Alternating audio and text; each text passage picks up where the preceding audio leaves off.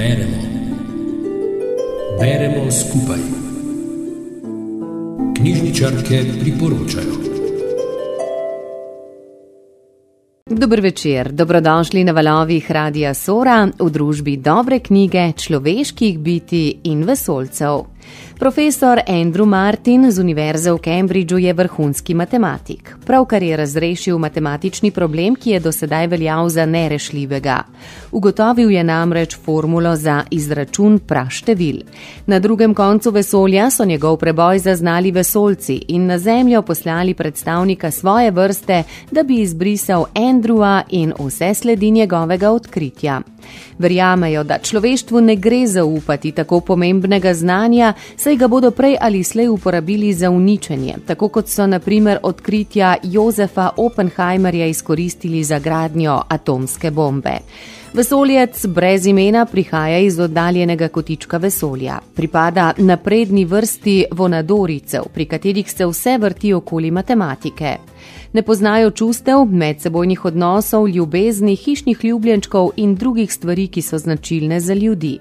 Pošljajo ga na zemljo v telo matematika Andrewa Martina z mislijo, da bi odstranil vse dokaze in osebe, ki bi lahko karkoli vedele o profesorjevem odkritju.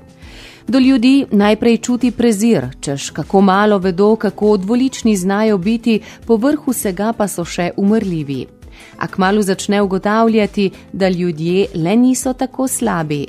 Posebno vez stke s profesorjevo ženo Izabelo in sinom Gulliverjem, od katerih se je profesor Andrew Martin odtujil. Lažni Andrew je v mnogo pogledih boljši od pravega.